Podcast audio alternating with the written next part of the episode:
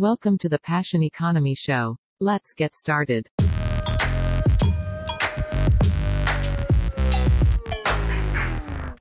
Halo semuanya, di episode ini kita akan bahas berbagai hal seputar game streaming, cara jadi game streamer itu gimana, cara menghasilkan dari profesi ini gimana, dan juga prospek ke depannya itu seperti apa sih. Nah, kita akan bahas semua hal tersebut bareng Mirza Kaisar. Nah, apa kabar bro?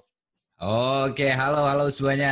Apa kabar? Apa kabar semuanya? Halo halo. What's up? What's up? What's up? What's up? Halo Mas Rade. Yo. Halo, halo, Mas Rade. Mas Rade. Selamat siang. Yo. Siang. Thank you, thank you udah luangin waktunya nih. Jadi buat teman-teman, uh, Mirza adalah seorang content creator dan game streamer ya? Kena- Bisa Ya, dibilang game seperti itu? streamer sekarang. Bisa dibilang seperti itu. Oke. Bisa dibilang content creator dan gaming streamer sekarang. Kondisinya sekarang menjadi seorang gaming streamer dan adanya dari bantuan dari Social Bus ini mantap lah pokoknya gaming streamer jadi auto kaya ini.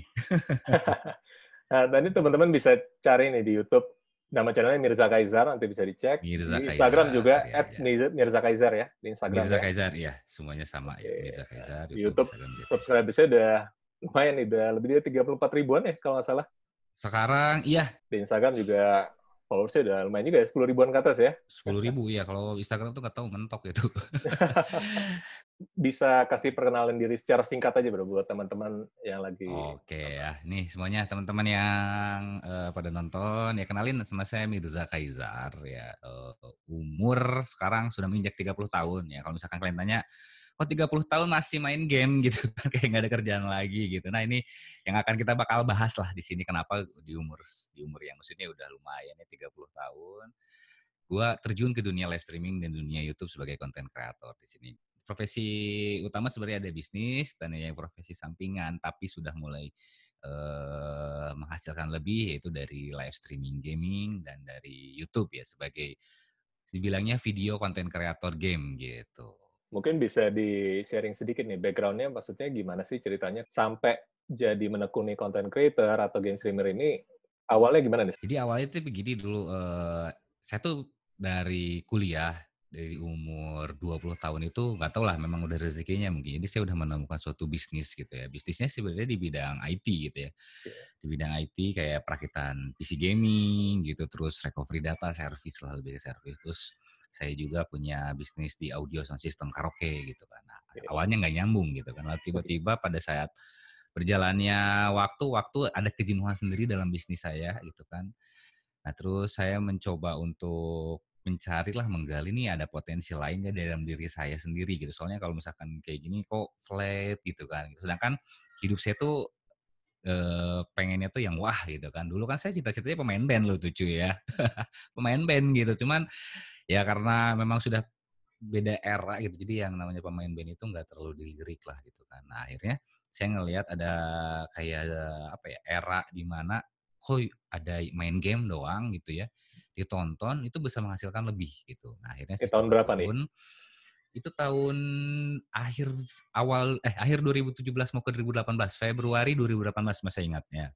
Saya iseng-iseng di situ pengen bikin YouTube tuh, cuman saya belum tahu konsepnya ke mana. Nah sebelumnya juga nggak kepikiran buat saya untuk main game atau apalagi live streaming gitu ya. Saya belum tahu itu apa live streaming game. Nah waktu itu ada satu platform live streaming saya coba di situ eh, namanya ya saya sebutin dari Cela gitu kan jadi orang main game eh, waktu itu kan lagi terkenal terkenal itu Mobile Legend nah lagi Mobile Legend saya biasa main teman ya padahal ya cuma iseng aja coba untuk eh, play live streaming. Wah ternyata dari hari pertama aja itu ada yang nonton tuh waktu itu masih satu dua orang. Ya lumayan lah ya siapa siapa saya yang nonton dua orang gitu. Akhirnya dari situ oh enak juga gitu ya live streaming. Dan akhirnya eh, saya berniat untuk mencari tahu itu apa sih live streaming itu kan live streaming gaming itu apa. Terus saya lihat juga ada yang lain-lainnya. Waktu itu saya lihatnya itu masih masih youtuber Indonesia kayak Audrey TP oh begini ternyata asli live streaming gitu ya Hmm. Eh, bisa main game ditonton sama orang terus bisa menghasilkan uang menghasilkan uang di sini dalam arti waktu itu belum belum tahu yang namanya AdSense ataupun gaji dari suatu platform yang gue tahu dari dulu dalam menghasilkan live streaming itu ada yang memberikan apresiasi melalui donasi dari si viewers gitu. Nah, itu tuh lihat saya, saya tuh lihat TP dan Audrey itu didonate sama Oplet tua itu kurang lebih sekitar 20 jutaan gitu. Makanya situ Wow. mulai tertarik. Dan yang memang niat masuk ke live streaming itu awal mulanya dari uang lah gitu. Nggak ada memang basic saya jago main game ataupun apa. Yang paling pasti situ adalah uang. Nah, cuman di situ tiba-tiba jadi berubah background gara-gara pengennya kalau kita pengen dapetin suatu uang berarti kita harus eh, mengasah suatu kemampuan yang di luar kemampuan kita lah ya gitu. Akhirnya saya mulai mengulik-ngulik itu tools-toolsnya apa yang perlu diperlukan. Dan yang paling fatal itu adalah saya selalu apa ya eh oh ya tools live streaming itu nggak mahal gitu kan padahal gitu mahal. Nah makanya saya selalu mengakalin oh ya saya beli yang murah dulu deh saya beli yang murah beli yang murah. Akhirnya gagal gitu. Nah dari situlah terjun awalnya saya mulai masuk ke konten video kreator game gitu. Jadi lebih ke tutorial gimana caranya kamu menjadi seorang gamers gitu kan nah di situ akhirnya saya dapat pelajaran bahwa ternyata kalau pengen menjadi seorang youtuber gaming ataupun live streaming gaming itu peralatan tuh nggak bisa main-main. Nah di situ saya bisa ngasih edukasi gitu buat ke viewers-viewers bahwa ini peralatan tuh kamu jangan sampai salah beli dan beginilah cara tutorialnya yang paling tepat. Soalnya pada saat saat itu tidak ada konten kreator yang memberikan edukasi tutorial seperti itu, begitu, Mas Rade. Jadi Hmm. ya bisa bilang emang nggak nggak nggak ada planning ya tiba-tiba ya karena coba-coba jadi Iya, coba-coba awal dulu. jadi awalnya pengen coba-coba. diseriusin ya.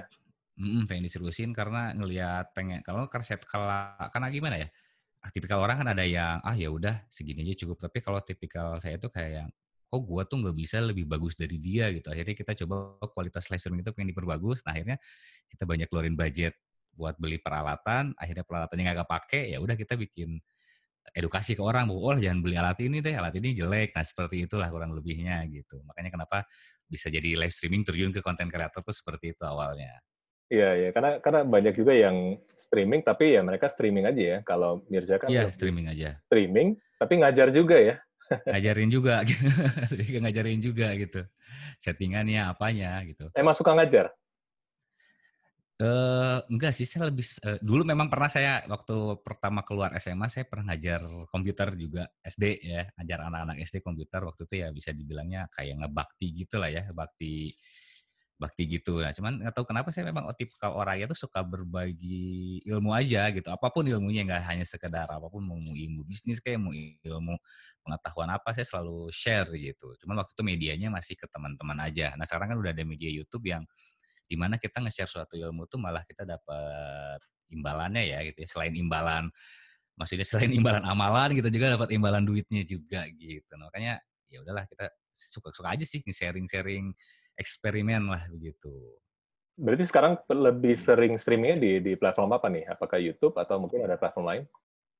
platform saya udah hampir mencoba semuanya ya, dari mulai kita sebutin lah ya dari Cube TV Nimo TV, Gamely yang sekarang lagi populer ya, populer. Terus YouTube, Facebook, eh, apalagi ya waktu itu ada lagi yang baru tuh kemarin baru saya beres kontrak dari Go. Saya udah pernah coba semuanya. Cuman memang itu terbalik lagi ke apa namanya ke prinsip masing-masing lah gitu, di mana kita bisa mengejar suatu karya itu di platform mana. Karena platform itu kan apa ya dibilangnya eh, bisa dibilangnya itu rumah kantor kita gitu. Kantor kita tuh bagusnya yang mana. Nah, akhirnya kenapa saya memutuskan untuk di YouTube aja gitu karena ke satu tidak ada ikatan, maksudnya kantor yang di mana saya bebas bereksperimen gitu ya, bebas bereksperimen, bebas nge-share apa-apa tanpa ada ikatan kontrak atau apa jadi sebagai freelance lah gitu kalau di YouTube itu. Kalau di di Twitch juga udah pernah coba juga? Nah, saya pengen banget, pengen banget pengen mau beralih ke Twitch cuman itu kalau mahannya karena bahasa Inggrisnya kita kan harus aktif banget di situ. Karena yang pasti udah pasti itu viewers kita kan harus full dari luar jadi kita harus aktif banget. Saya lagi proses belajar sih untuk masuk ke Twitch. Ya mungkin uh, insya Allah tahun depan lah kita mencoba ke Twitch itu karena pasti itu wajib itu ke Twitch. Pengguna dari Indonesia belum sebanyak YouTube dan Facebook gitu ya di Twitch atau gimana? Uh, di Twitch itu kan global, internasional banget, luas banget, dan itu salah satu platform terbaik yang ada di US lah ya, uh, yang ada di luar gitu. Dan penonton Indonesia tuh nggak kurang bisa ke sana. Nah makanya kalau misalkan kita pengen pendapatan yang lebih udah pasti ya, pengen pendapatan lebih karena di sana yang ngetipnya itu adalah dolar langsung kita wajib ke Twitch gitu. Karena kalau misalkan mengandalkan di Indonesia sendiri, kita tahu lah perilaku konsumen yang ada di Indonesia itu bagaimana gitu. Nah tadi kan waktu awal mulai itu coba-coba di Cube TV ya berarti ya waktu itu ya. Iya, Cube TV. Kan? nah. mulai mau serius itu belajar dari mana aja tuh? Apakah dari YouTube atau tanya-tanya teman atau apa gimana? Wah, saya tuh waktu itu nggak ada teman banget. Begitu terjun ke dunia live streaming di YouTube itu saya nggak punya yang dibilangnya mentor ataupun uh, yang ngajarin gitu. Itu semuanya berasal dari otodidak sendiri. Saya mencari semua tutorial yang ada di YouTube, uh, saya gabung-gabungin dan akhirnya saya pengen serius. Kenapa saya pengen serius ya? Karena saya udah ngebeli peralatannya itu. Intinya seperti doang. So simple gitu. Saya saya udah beli peralatan segini banyak gitu ya. Dan harganya tuh nggak murah gitu ya. Ya udahlah kita seriusin aja gitu. Ya mudah-mudahan kalau misalnya saya udah serius, apa pun yang kita udah jalanin serius, ya terus kita juga udah bisa ngasih manfaat ke orang, kita udah tahu apa yang harus kita jual, ya so go on lah gitu. Nah itu tadi habis berapa tuh untuk peralatannya kan kayaknya lumayan tuh ya. lumayan, lumayan banget. Saya tuh uh, untuk eksperimen aja barang yang gagal gagal beli aja itu udah sekitar hampir 50 juta itu untuk gagal yang gagal beli ya. Apa nih gagal beli itu maksudnya lagi. apa? Gagal beli itu apa gagal beli misalkan PC, PC gaming. Contohnya gini, saya PC gaming. Karena saya memang uh, dulunya dari seorang tukang rakit PC gaming gitu ya. Jadi saya menilai gini, ah PC live streaming itu sama dengan PC gaming biasa gitu. Makanya ya udah saya ngerakit PC gaming biasa aja gitu. Jadi saya beli banyak beli peralatan yang bekas gitu. Itu yang pertama. PC gaming udah pasti itu e, ternyata dicobain gagal, melek, terus gak support aplikasinya, panas gitu kan. Oh, Jadi ternyata iya. kalau live streaming itu kan berjam-jam kan, panas. Akhirnya uh, rusak kayak gitu. Terus monitor ya, monitor juga ah ya udah buat monitor doang mah beli yang murah aja begitu saya editing gitu pakai untuk editing. Lah gambar yang ada di sini kok warnanya ungu begitu masuk ke handphone warna jadi merah gitu kan. Nah hal seperti itu kan. Akhirnya mau nggak kamu kita mesti beli yang mahal lagi. Terus ini kamera juga kan. Lah kamera webcam ini beli aja yang dua ratus ribu begitu saya beli yang dua ratus ribu eh, atau gambarnya kayak 3GP begini gitu kan. Ya akhirnya mesti beli lagi yang baru. Nah begitu banyak banyak eksperimen yang gagal yang saya menganggap uh, gampang, eh, ternyata kita nggak bisa main-main gitu untuk masalah kualitas gitu. Kenapa yang harus kita jual itu kita nggak bisa main-main begitu. Tapi dari kegagalan itu bahkan bisa di-share ke yang lain ya? Nah itu kegagalan itu. Makanya misalnya kalau misalkan budget ada orang yang akan bang ada nggak sih budget live streaming yang murah untuk pelajar yang di bawah 5 juta? Saya selalu bilang ada untuk, untuk tidak mematahkan semangat itu kan. Yeah. Pasti belakangnya suka ada. Cuman gitu lebih bagus lu belinya yang jangan nanggung gitu. Memang ya soalnya nanti sayang gitu. Dia punya budget 5 juta dia beliin tapi akhirnya dia kebuang gitu duit 5 jutanya. Itu saya udah rasain gitu. Hasilnya juga nggak maksimal bahkan malah jadi masalah ya. Iya, malah jadi masalah dan akhirnya kan kasihannya dia tuh mau ngejual diri dia sendiri kan, lewat live streaming biar itu ditonton gitu. Akhirnya kan orang nyaman mau nyaman nonton dia gimana gitu, kualitas live streamingnya aja kurang enak gitu. Kan, seperti itu. Tantangan terbesarnya apa sih saat menekuni content creator dan game streamer ini gitu? Ada gak? Ada, ada, ada, pasti ada. Yang pertama dari segi konten kreator itu kita uh, tantangan terbesar itu saya harus menentu karena konten saya tutorial. Oke. Okay. Itu saya harus berhadapan dengan uh, punten, maaf dengan orang yang berpikirannya, maksudnya uh, dia tidak bisa mengejar dengan di, apa namanya dengan penjelasan saya itu yang pertama. Okay. Hmm, hmm. Jadi kadang saya ngejelasin udah ter, karena ini ya saya ngejelasin udah terlalu panjang ternyata dia uh, gak ngerti gitu kan. Akhirnya banyak yang banyak komentar-komentar yang si abang ini ngomong apa sih? Saya nggak ngerti gitu akhirnya banyak yang kayak gitu. Jadi tantangannya jadi saya harus merubah gaya bicara saya supaya orang itu tetap mengerti gitu. Itu tantangannya. Yang kedua juga terus kan terus karena tonton tutorial saya uh, harus terus menggali lagi gitu. Malah itu malah jadi modal utama. Hmm. modal utama saya untuk membeli peralatan peralatan dari bagian eksperimen ya untuk intinya orang yang berbudget uh, rendah itu masih tetap bisa melakukan tapi dengan kualitas yang maksimal itu tantangannya. Gitu. Oke. Okay. Jadi biar ya meskipun sebenarnya uh, ada sedikit gak mungkin ya, cuman saya harus pengen memberikan suatu harapan lah buat mereka-mereka gitu kan. Terus untuk masalah live streaming tantangan terberatnya adalah mengumpulkan viewers yang udah pasti itu. Kita harus kayak gimana nya uh, bisa bisa harus dalam progres per bulan itu penambahan viewers itu harus signifikan, harus terus bertambah gitu. Dan yang terakhir mengatasi rasanya malas menyerah itu yang pasti. Oke, okay, oke. Okay. Pengen menyerah gitu. Kenapa tuh? Mungkin ada ada satu titik atau mungkin momen aduh males nih atau kayak aduh capek juga menyerah atau apa? Ada ada ada gitu? pasti ada itu itu dari setiap dari jadi gini kadang selalu saya berpikir kayak gini kok bisa gitu ya kualitas maksudnya gini kualitas video live streaming saya udah bagus kok penontonnya sedikit tapi orang-orang yang maksudnya kualitas seperti itu kok bisa banyak gitu kan. Saya pasti kadang suka pengen menyerah di situ gitu kan. Apa yang apa yang salah? Gitu. Ya udahlah uh, ngapain saya? Maksudnya gini kan saya pengen menyerah itu di belakang saya udah ada background gitu bahwa saya udah punya bisnis sih toh saya meninggalkan pun juga nggak jadi masalah saya udah masih bisa meningkatkan bisnis saya yang di belakang. Seperti itu saya perlu pengen menyerah dengan prinsip seperti itu gitu. Nah cuman mungkin karena ada dorongan juga dari subscriber semua yang udah uh, nonton gitu ya yang banyak juga viewers-viewers yang udah kebantu akhirnya dari asal yang mereka nggak bisa melakukan live streaming akhirnya bisa dari bikin video mereka bisa. Akhirnya mereka menyemangati dari orang-orang yang minoritasnya seperti itu gitu. Ayo bang semangat gitu kan.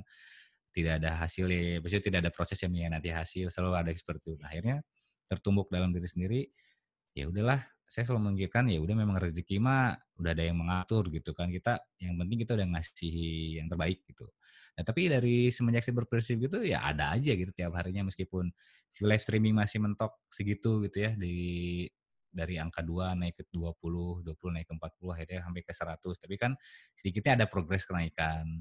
Pendapatan pun juga yang ekspektasi saya bahwa masuk ke dunia YouTube itu ternyata besar, eh ternyata belum sampai sekarang masih belum ada kata BEP sebenarnya gitu. Cuman ya udah modal modal ini e, bisa jadi pengalaman saya yang paling kuat lah gitu ya. Bahwa selama ini bahwa dunia di dunia YouTube itu juga sudah termasuk dalam dunia bisnis gitu.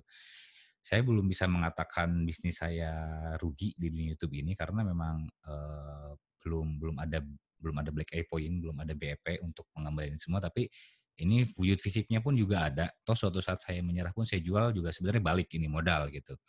Nah cuman saya berpendapat kalau berprinsip bahwa ya udah kita terusin aja. Kalau dalam waktu tiga bulan saya belum sukses kita coba setahun. Satu tahun nggak sukses kita coba dua tahun lah.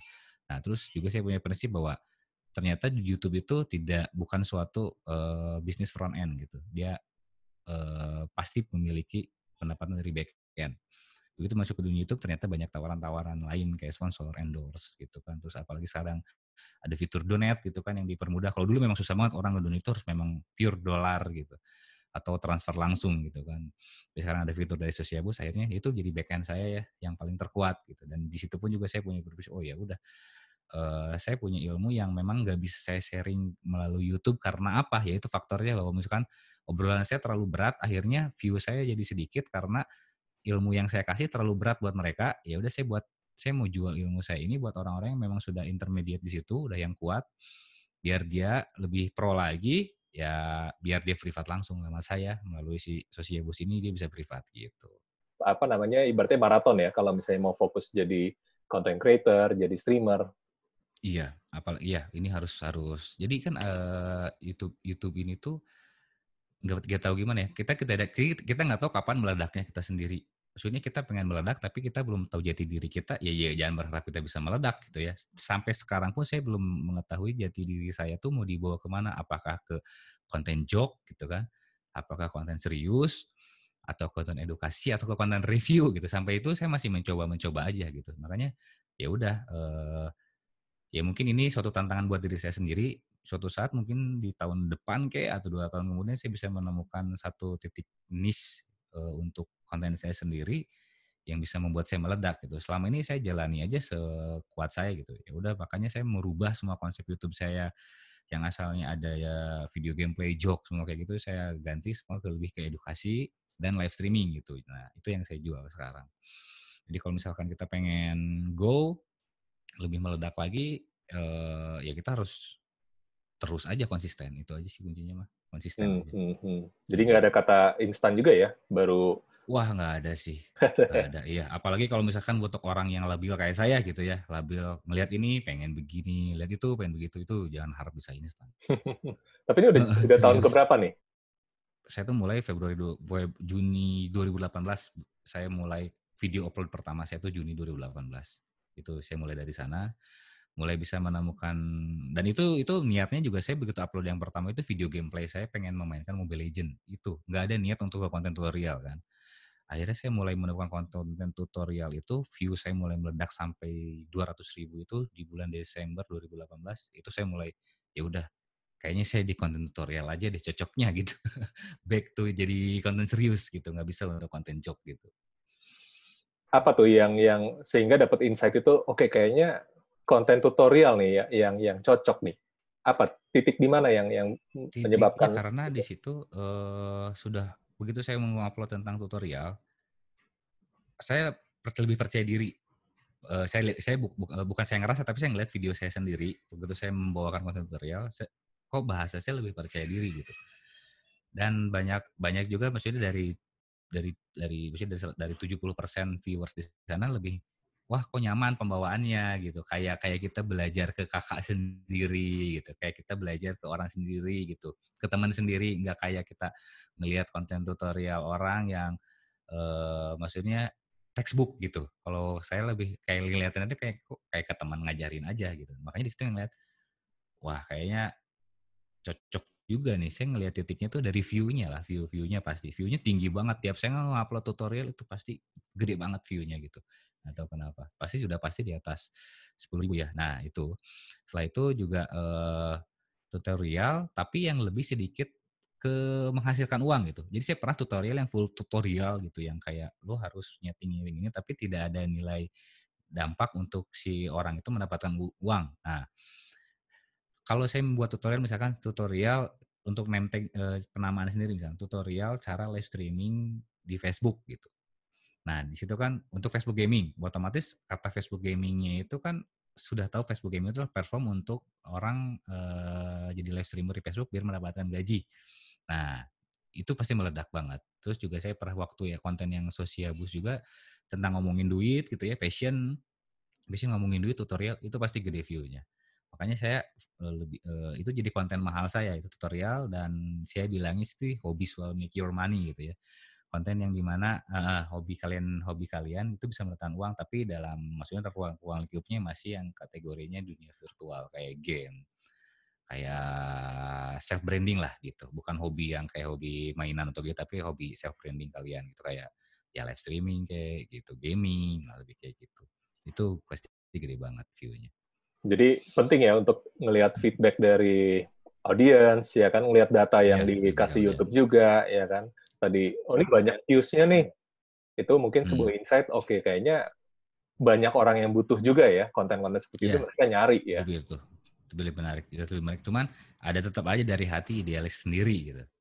Lah masa sih konten yang lain? Kayaknya saya selalu mencoba fitur konten baru gitu. Fitur konten fitur konten kayak misalkan saya pernah bikin konten gaming gear. Jadi peralatan gaming apa yang bagus gitu itu lumayan bagus juga meledak, cuman tergantung dari uh, penamaan YouTube itu tergantung dari gimana cara kita mengetik penamaan untuk menjadi search index nomor satu di YouTube itu sendiri. Contohnya nih, misalkan saya uh, kayak nge-review iPhone itu udah banyak tuh, pasti banyak. Kalau saya nge-review hanya sekedar iPhone aja, pasti nggak akan laku. Tapi saya uh, bikin nama inilah handphone terbaik untuk main PUBG Mobile. Itu pasti banyak banget yang nonton. Beda penamaan sedikit aja itu berefeknya luar banget itu. Sama juga kayak misalkan saya uh, misalkan ada sponsor masuk nih mau nge-review misalkan uh, nama apa headsetnya gitu kan. Kasih saya kalau misalnya saya cuma nge-review nama headsetnya itu doang itu nggak akan ada yang nonton. Tapi selalu selalu mengingatkan penamaannya balik lagi ke search index Google-nya bahwa inilah headset terbaik gitu ya. Inilah platform live streaming terbaik gitu kan. Atau enggak misalkan uh, lu pengen cepat kaya lu pakai aplikasi ini. Nah seperti hal seperti itu dari penamaan itu sangat sangat penting gitu. Ya, ya.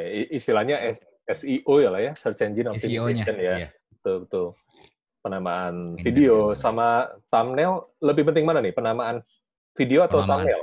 Penamaan video penamaan, ya. Penamaan, penamaan video itu lebih paling penting. Kalau thumbnail mah eh, apa ya? Clickbait itu orang-orang kadang udah lebih pinter sih. Kadang mereka nggak ngeklik dari kata-kata dari teman. Mereka lebih dari dari judul juga.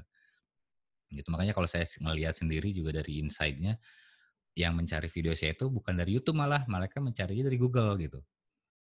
Iya, saya melihat dari situ di Google, pencarian dari YouTube itu hanya setengahnya, eh, banyak itu tetap dari Google gitu. Jadi kalau di Google kalau mencari, jadi saya udah megang kata nama tutorial live streaming, atau tutorial menjadi youtuber gaming itu nomor satu pasti di saya kalau di Google gitu itu udah nomor satunya saya gitu itu bisa udah megangnya di situ. Jadi Cuma video yang paling ramai ya? pengen gitu. Iya video paling ramai tapi kadang suka pengen out of the box terus tapi masih belum menemukan gitu. Kayak duh pengen apa nih? Kok bosen tutorial? Gitu. Gue pengen ada yang kadang ada yang lebih ngejoknya yang lebih nyantai yang gak sih yang, yang gak ribet gitu kan. Selalu ada aja gitu kayak gaming gear kan yang gaming gear tadi lumayan lah ya gitu nggak terlalu ini. Cuman itu modal gede banget ya kita harus ngemodal beli peralatan di review gitu. Nah sekarang lagi ada fitur konten baru yaitu Let's Talk with Mirza. Jadi si fitur konten itu di mana saya kayak curhat gitu tapi lebih ke selama saya berada di dunia YouTube kayak gini lah jadi saya menceritakan awal mula saya yang view-nya dari nol bisa sampai 100 tuh kayak gimana sih caranya gitu. Terus gimana sih caranya biar lo tuh bisa dilirik sama sponsor kayak gitu-gitu lebih ngobrol-ngobrol kayak gitu. Tapi dengan bawaannya santai gitu. Kayak podcast aja gini. Jadi mereka nggak usah nonton di YouTube atau hanya mendengerin aja kayaknya udah masuk deh gitu. Lagi coba fitur itulah baru ada dua.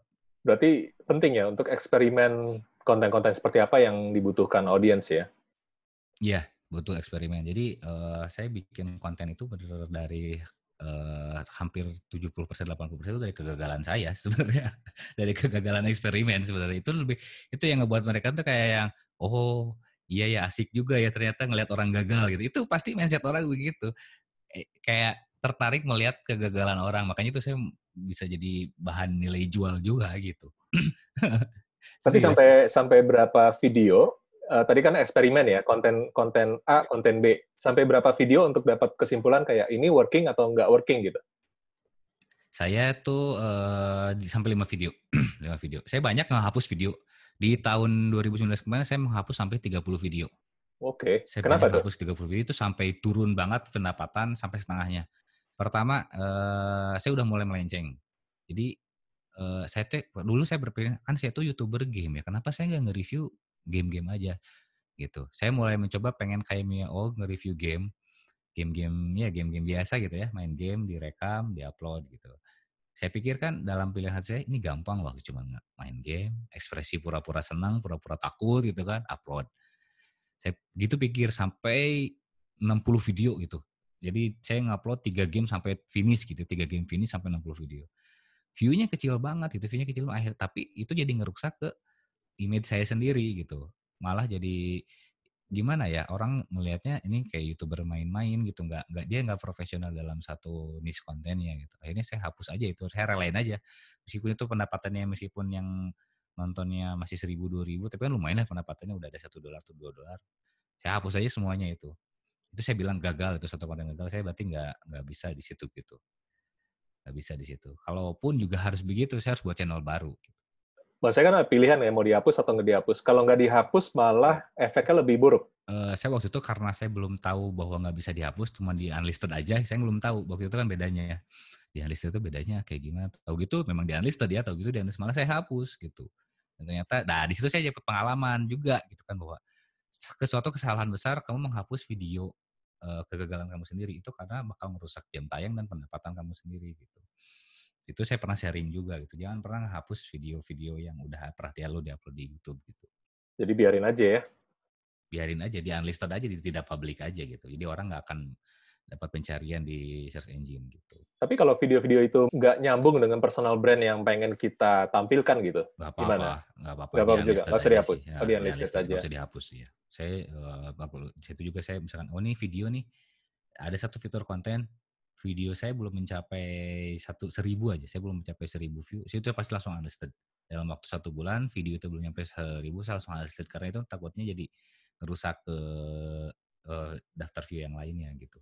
Nah, ada ada target nggak sih kayak misalnya dalam seminggu itu harus berapa hari streaming, berapa jam sehari, dan juga uh, aktivitasnya kayak gimana tuh untuk bagi waktu setiap harinya tuh? Mungkin bisa dikasih bayangan gitu. Nah, bisa bayang. Jadi gini, Oke, okay, untuk pembagian waktu. Jadi awalnya saya terjun ke YouTube itu saya pengen menyibukkan diri saya sendiri sebenarnya.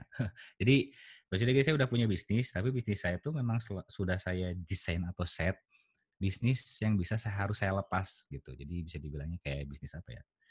Ya, gue punya bisnis, tapi gue pengen lepas. Jadi biar sistem yang bergerak gitu. Jadi saya peng, pengen kayak suatu bisnis konvensional yang di mana yang si ownernya tuh harus duduk murung gitu kan di kasir gitu kan ngitungin duit gitu. saya nggak mau gitu makanya saya e, belajar waktu itu sampai pernah masuk MLM untuk belajar yang namanya ya begitu bisa dibilangnya apa ya bahasanya tuh e, ngelepas bisnis itulah jadi biar sistem yang bergerak gitu ya. Nah saya belajar sampai itu akhirnya di tahun 2017 itu 2016 2017 saya udah bisa lepas bisnis saya.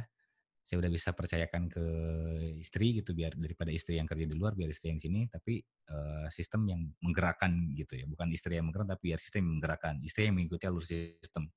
Akhirnya saya bisa lepas. Nah di situ satu tahun eh ternyata nggak enak juga gitu ya punya bisnis bekerja sendiri saya sedangkan si ownernya itu cuman diem-diem doang gitu kan aduh saya pengen bekerja gitu tapi kalau saya terjun lagi ke sana saya takut terjebak lagi gitu kan saya pernah sebelum ke sini juga masuk ke taksi online. Pernah jadi taksi online karena pengen, cuman karena pengen saya bekerja gitu. Ngisi waktu ya? Uh, uh, ngisi waktu. Pengen bekerja aja gitu. Tapi masalah pendapatan mah gimana ntar lah. Ini saya bekerja keluar rumah, uh, pergi pagi keluar pulang sore gitu doang gitu. Tapi ya karena waktu taksi online-nya dampaknya juga negatif ke saya, maksudnya negatif dalam arti oh cita-cita saya bukan jadi seorang supir nih maaf gitu ya maksudnya. Saya nggak bisa gini terus. Ini terlalu nyaman jujur aja memang nyaman karena di sana saya menemukan banyak teman-teman banyak banget yang ngebuat saya itu nyaman ngobrol ngopi gitu di pinggir jalan. Jadi kayak orang bener-bener yang merakyat banget gitu. Akhirnya saya juga dia terjebak di situ gitu. Ini terlalu nyaman nih saya mesti saya mesti cabut lagi saya mesti cari lagi. Akhirnya saya masuk ke dunia YouTube saya mulai bisa menyibukkan di situ gitu ya sibuk. Saya justru bikin khusus ruangan saya sendiri untuk di mana saya uh, bisa dibilangnya apa ya autis gitu ya autis di ruangan sendiri mengulik-ngulik ini ini ini. Nah akhirnya oke okay, kita buat jadwal pagi-pagi gitu saya wajib ngejim itu itu wajib banget ngejim karena saya pernah obesitas ya pernah obesitas saya nggak mau lagi obesitas gitu. Saya wajib ngejim pagi-pagi oke okay, jam berapa nih? saya uh, kalau ngejim saya biasanya jam 11 sampai jam 2-an lah. Ini baru beres ngejim juga gitu ya. Itu wajib banget. Udah gitu, nah jam segini tuh kalau ada PR waktu kemarin kalau ada PR konten bikin video, saya bikin video jam seginian. Karena lebih enak jam segini. Malam uh, sore sebelum malam saya biasanya ngecek saya editing dulu masalah periklanan untuk uh, bisnis saya sampai jam 7 jam 8, jam 8 baru saya mulai live streaming gitu. Oke, okay. sampai jam berapa? Live streaming saya pokoknya uh, sebenarnya dibebas saya bebas mau live streaming sampai jam berapun yang penting saya besok bangun paginya tuh harus kondisi seger intinya seperti itu. Nggak bisa mau saya jam 4 jam apa tetap tapi harus harus bangun jam 9 jam 10 saya harus sudah bangun saya udah mulai nge-gym gitu. Mau sampai jam berapun live streaming yang penting ini. Makanya saya nge, waktu sebelumnya dulu saya nge live streaming itu di jadwal gitu kan ya tiga jam aja di live streaming. Oh ternyata nggak bisa gitu. Nggak bisanya karena uh, di live streaming itu sendiri saya juga mendapatkan suatu lingkungan yang misalnya virtual friend bisa dibilang ya teman tak berwujud gitu yang asik gitu kan. Wah saya harus bisa quality time bersama mereka juga terus juga saya bisa uh, ngobrol sama viewers gitu. Jadi di live streaming saya tuh gameplay saya tuh biasa aja sebenarnya Mas Rade. Gameplay saya tuh biasa aja cuman orang itu senang ke saya tuh karena ngobrol-ngobrolnya gitu. Jadi mereka itu bukan ngeliatin gameplay saya tapi ngeliatin ngobrol saya gitu sebenarnya Makanya itu yang ngebuat saya betah banget live streaming bisa sampai 6 jam, 7 jam gitu. Paling sebentar kemarin lah 4 jam karena memang telat. Kemarin jam 10 baru mulai live itu cuma sampai jam setengah tigaan. Paling paling paling lama sampai jam sampai jam 4 pagi gitu ya? Pernah. Iya, pernah saya 8, 8 jam 50 menit saya pernah. Wow, 8 jam 50 menit iya. Itu rekornya itu sampai, 8 jam. Sampai iya. Iya 8 jam 50 menit itu udah sampai, sampai halu gitu ya. Iya sampai 9 jam. Udah halu banget saya ngelihat batu udah kayak orang gitu kan kalau main PUBG gitu. Ya. itu orang padahal batu gitu. Itu hampir 9 jam pakai break atau tanpa break? Tanpa break, tanpa break. Gak ada break ya break sendiri ya paling cuma kalau saya nge-breaknya nge juga nge-break tetap masih online kayak gini tapi ngobrol aja gitu saya bacain komen sambil makan minum gitu.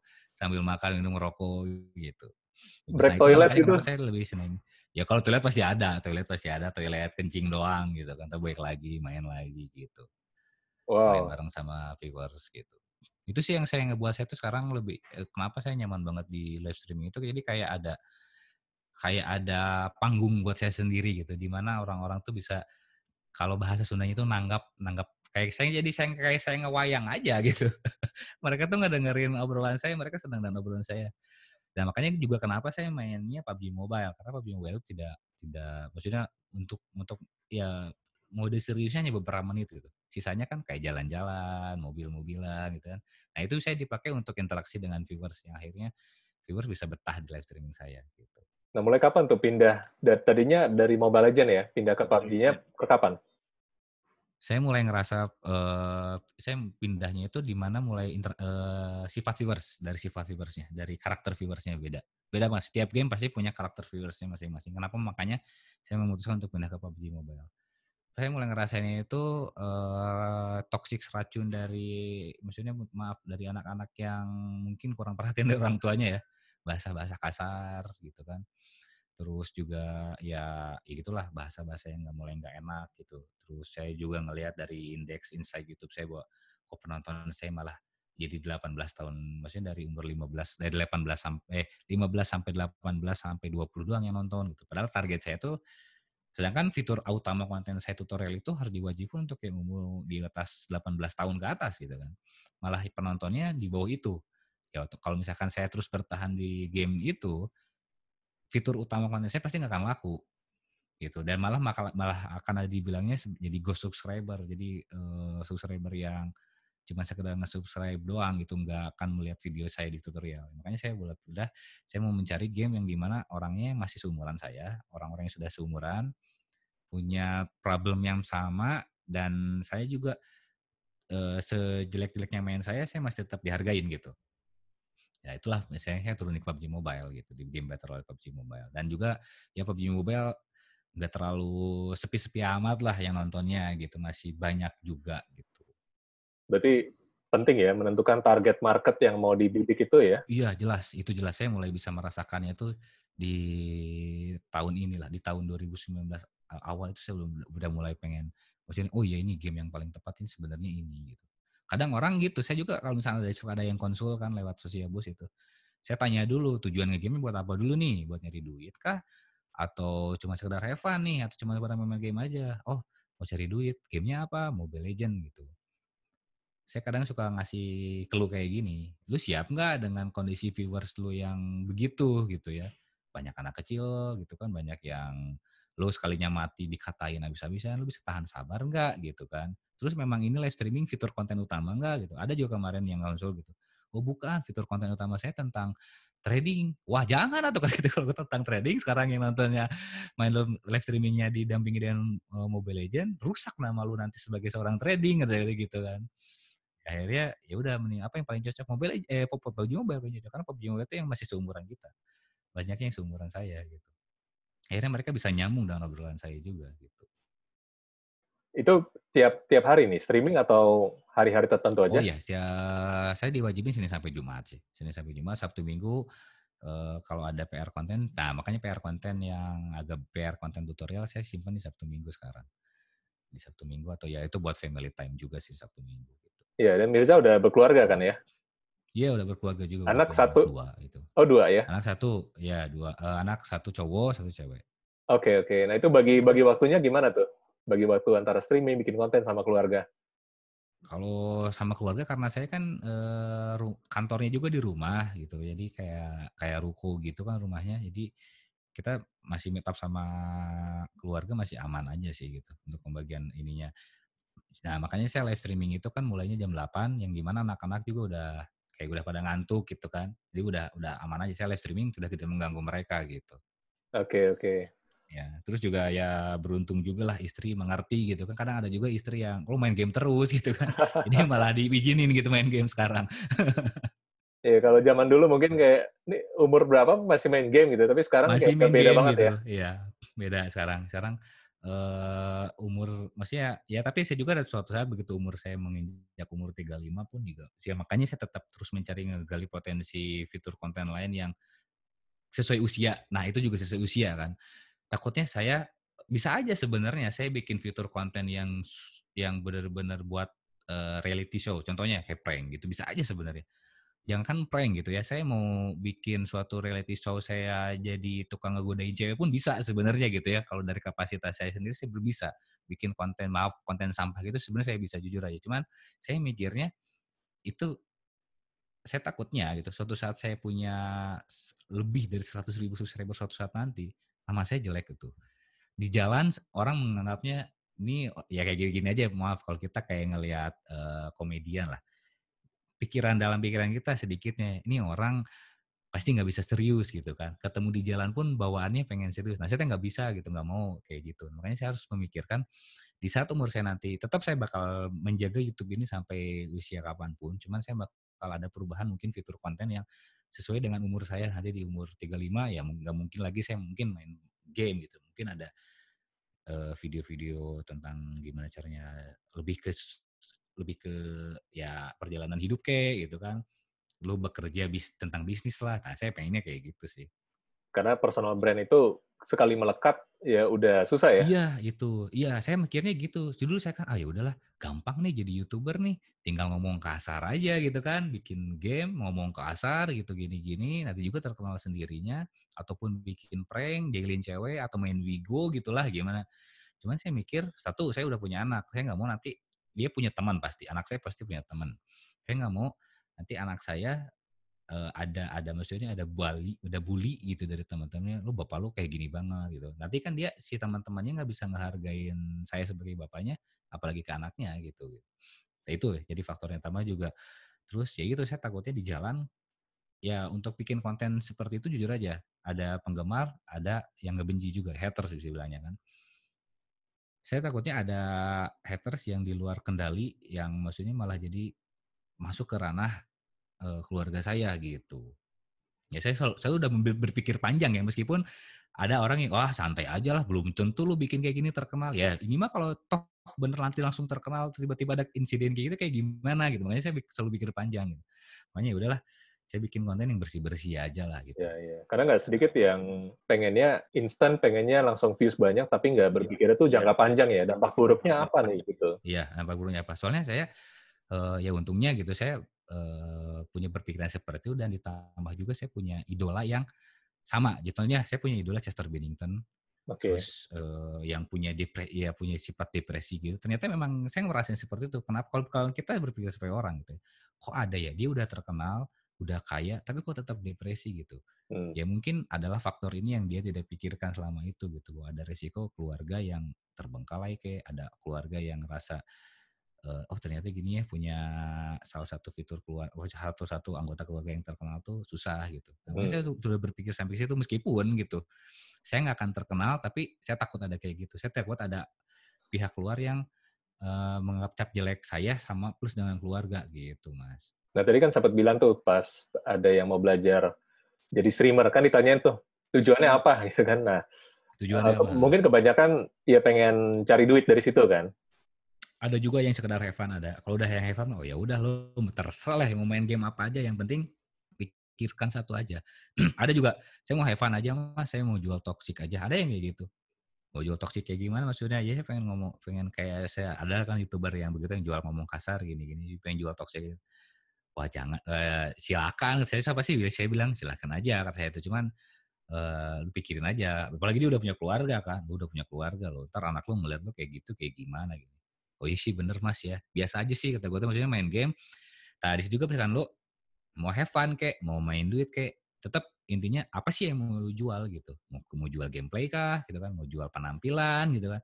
Mau jual joke gitu atau mau jual kualitas. Kalau saya sendiri sih kan saya mau jual kualitas dari live streaming saya yang saya buat tutorialnya gitu. Cara menghasilkan dari profesi game streaming ini sebenarnya gimana sih? Kalau untuk dari si gaming streaming ini yang paling pasti yang paling utama itu kita Kenapa saya memilih platform YouTube? Karena kita tidak sia-sia main game ini. Meskipun dibayarannya cuma satu dolar, tapi itu akumulasi dari satu videonya. Satu video dapat dua dolar. Kalau kita saya ngelakukan live streaming eh, lima kali sehari, berarti sebulan udah udah 20 kan 20 video. Dua dolar kali 20 video udah lumayan kan. Dua dolar kali 20 itu dalam satu bulan. Terus berakumulasi per bulan-bulan. Satu tahun saya ngelakuin live streaming dan videonya nggak saya hapus, ya minimal dari video video-video sampah maksudnya video-video sampah saya yang nggak pernah yang udah nggak dipakai lagi saya udah dapat 100 dolar dari situ. Ini kalau udah berjalan setahun. Berarti sudah punya passive income 100 dolar dari video-video yang pernah saya upload itu pendapatannya gitu kan. Terus lagi kita saya selalu bilang ke dalam diri saya sendiri ataupun ke orang yang konsultasi lu jangan mikirin front end-nya aja lu pikirin tetap back end-nya gitu. Karena kalau misalkan kita ngandelin AdSense aja itu uh, bisa lah. Maksudnya oke okay, lo ngandelin AdSense tapi jangan berharap lo bisa mendapatkan suatu hal yang benar-benar istimewa dari dari yang namanya AdSense. Lo tetap harus pikirin yang namanya back end gitu. Back end di sini macam-macam kayak iya endorship sponsorship gitu kan, belum lagi sekarang ada fitur donate gitu.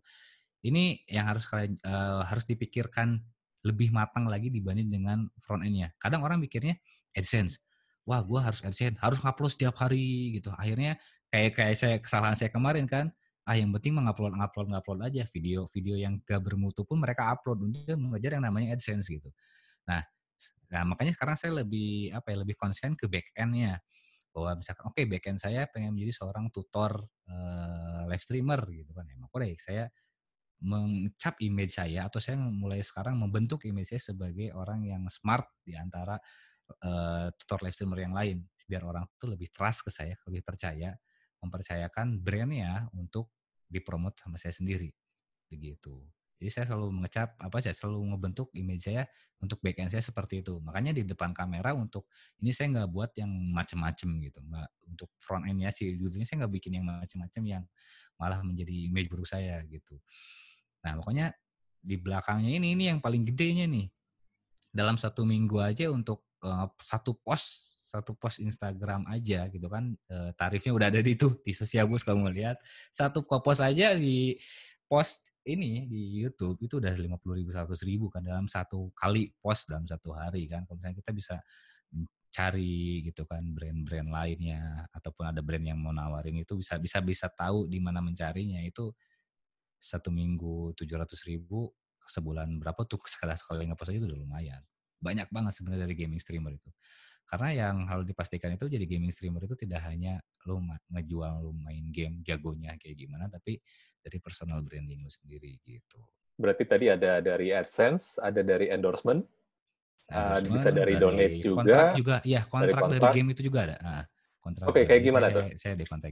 Saya waktu itu karena pernah uh, semenjak live streaming gitu live streaming PUBG akhirnya dari PUBG sendiri juga nawarin job juga gitu untuk kamu ngupload dua kali ya, punya bikin highlight live streaming kamu satu minggu dua kali satu videonya dibayar tiga ratus ribu gitu satu bulan dua juta empat ratus itu selalu lumayan kan lumayan. selama setahun atau selama kemarin enam bulan kan baru okay. beres kemarin baru beres bulan Februari kemarin tapi tadi ada uh, ada perpanjang lagi baru tadi ada perpanjang lagi ya alhamdulillah ada perpanjang lagi itu endorsement terus dari kontrak dari game itu tersebut terus yang paling tidak disangka-sangka itu dari donate sih. Kita tidak bisa menilai apa ya meskipun kita uh, kita bisa menilai perilaku viewers kita gitu. Punya viewers yang benar-benar yang sudah jadi fans lu berat gitu dan mereka nah makanya itu lingkungan gamenya itu sendiri karena lingkungan game gue orang-orang yang seumuran yang udah pasti mereka sudah bekerja dan mereka adalah orang-orang kalangan menengah ke atas, mereka nggak segan-segan ngedonate gitu ya. Maksudnya dari Sosiabus sendiri udah bisa ngeliat lah data track gitu ya. Itu yang dari Sosiabus, belum yang dari PayPal juga gitu kan. Belum yang ada yang transfer langsung gitu. Belum ada yang uh, ngasih giveaway, ada yang ngasih paketan kiriman makanan, kopi gitu udah pasti banyak ada gitu. Rezeki-rezeki yang nggak di ini gitu. Yang nggak bisa diingat. Cuman ada juga beberapa, saya pernah kasih edukasi juga di Altex Toko Mirza. Ya ini back end-nya kalian bisa mendapatkan endorse ini ini ini. Saya lihat ada beberapa youtuber yang malah terlalu over, mas. Terlalu over, malah dia terlalu over bikin judul untuk live streamingnya silahkan donate saya. Oh, gitu. terlalu terang-terangan begitu yeah, kan. Yeah, Aduh, yeah. waduh, ini kan saya bukan begitu gitu kan. Ya itulah maksudnya ya kita bikin konten tapi ditangkap dengan orang yang kurang mengerti ya akhirnya jadi salah gitu kan. Itu contohnya seperti itu. Bukan seperti itu. Misalnya branding itu bukan seperti itu buat saya itu kan.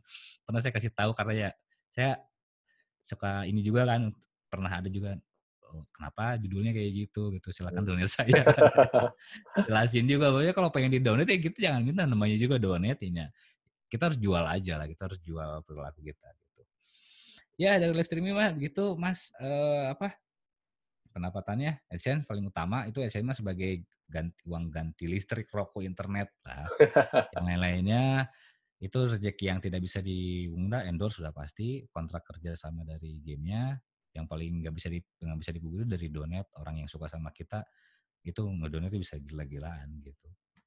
Iya. Berarti memang peluangnya juga lumayan bisa dibilang lumayan lumayan besar ya kalau dari lumayan besar lumayan besar ya ada berbagai tadi sumber pemasukannya itu variatif dan semuanya bisa dieksplor kan iya bisa dieksplor malah kalau uh, ada beberapa juga yang saya tolak juga sih mas Oke. Trading, trading hampir saya semua tolak. Kayak iklan trading, iklan, maksudnya iklan bikin video tentang tutorial trading, saya tolak semuanya, nggak tahu kenapa. ya, itu saya tolak semua. Gitu. Kalau yang lain-lainnya yang masih berhubungan, yang masih positif gitu, yang masih tidak, maksudnya menjanjikan yang oke, itu masih oke. Nah, mungkin buat teman-teman di luar sana yang lagi baru mau coba serius menekuni profesi gaming streamer lah ya. Kira-kira dari Mirza ada ada tips praktis nggak? Anggapannya mereka belum mulai dan mereka oke, okay, gue pengen deh, pengen seriusin. Eh, step-step uh, apa aja nih yang mereka harus kayak mulai gitu kan untuk akhirnya bisa start lah kayak gitu. Hal yang paling perlu disiapkan yang tidak dipulingkir adalah peralatan aja sih. Itu uh, poin pertama ya, meskipun kita nggak muluk-muluk peralatan wajib.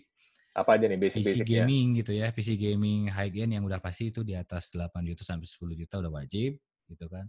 Koneksi internet nih pasti kelemahannya rata-rata uh, kalau nggak PC koneksi internet koneksi internet yang udah gak bisa dipungkiri lagi tuh koneksi internet harus di atas 50 sampai 100 Mbps. Gue memang uh, gak bisa apa ya, gak bisa ada toleran itu. Dua hal itu tidak ada toleran lagi. Koneksi internet, PC gaming, uh, kalau terus yang ketiganya itu udah sih dua, dua penting itu aja. Dua hal teknis yang sangat penting itu aja. Kalau udah ada dua itu, udah tercukupi di rumah lu, udah ada dua peralatan itu. Yang ketiganya baru yang kayak masalah niat lah. Niat, niat harus kuat. niat kuat di sini bukan hanya sekedar niat tapi lu harus menggali apa yang harus kamu jual. Ini sebenarnya poin yang udah tapi susah. Apa sih yang harus lu jual gitu di live streaming lu? Mau jual masalah gameplay, ingat di orang-orang yang di luar sana yang lebih jago itu lebih banyak gitu. Ya, lo harus bisa memanfaatkan itu. Lu jago, tapi apa sih di jago lu tuh jago apa dulu gitu kan? Kalau misalkan dibilang gua jago mah relatif gitu ya. Lo jago tapi apa sih yang mau jual gitu? Mau jual penampilan boleh silahkan mau jual skill boleh gitu mau jual job boleh tapi harus ingat satu dulu apa yang harus jual. Tiga poin itu dulu udah dapat tiga poin itu sok lancar lah insya Allah pasti lancar itu. Berarti tadi ada peralatan lainnya gak kayak misalnya mungkin mic-nya atau kameranya itu mah mengikuti jujur aja itu mah pasti mengikuti kalau sekarang peralatan pula punya gaming PC gaming yang high end, yang maksudnya orang yang udah punya PC gaming yang harga 10 juta dan koneksi internet 100 Mbps, beli uh, apa namanya kamera gitu kan, terus beli ini itu pasti mengikuti. Dan yang pasti gini, uh, Mas Ade, uh, tidak ada budget murah untuk menjadi seorang live streaming. Jujur aja ini game live streaming ini adalah hobi yang bisa mendatangkan uang gitu, bukan bukan suatu pekerjaan utama kayak lu buka kios, lu jualan, dapat untung, langsung rame, enggak kayak gitu. Live streaming ini kayak kita mancing lah, kayak hobi mancing. Hobi mancing, peralatan pancingnya berapa puluh juta sih, cuma dapat ikan, ikan emas, jual di pasar pun juga bukan nutup alat pancing kan, nah seperti gitu sih. Prinsip saya seperti itu. Jadi ini eh, kalau lu mau mencari uang dari si dunia live streaming ini yaitu peralatan wajib terus uh, udah pasti uh, kamera itu masih bisa diakalin ya kamera webcam itu. Oke okay, kadang ada orang yang nggak pede dengan facecam nggak jadi masalah. Ada teman saya juga nggak pakai facecam tapi suara dia bagus menghibur kocak itu tetap menjual. Itu nggak jadi masalah kalau facecam gitu. Karena saya kenapa saya facecam? Ya karena udah punya webcamnya. Kalau nggak ada mah saya nggak ada pulsa facecam gitu kan? Nah Terus masalah mic juga nggak jadi masalah. Mic ah, masih ada dari headset, dari headset yang se headset handphone ini juga headset ini masih dipakai, ah, masih oke, okay. masih masih nyantai. Ya itu yang nggak bisa ditolerir mah hanya dua itu aja.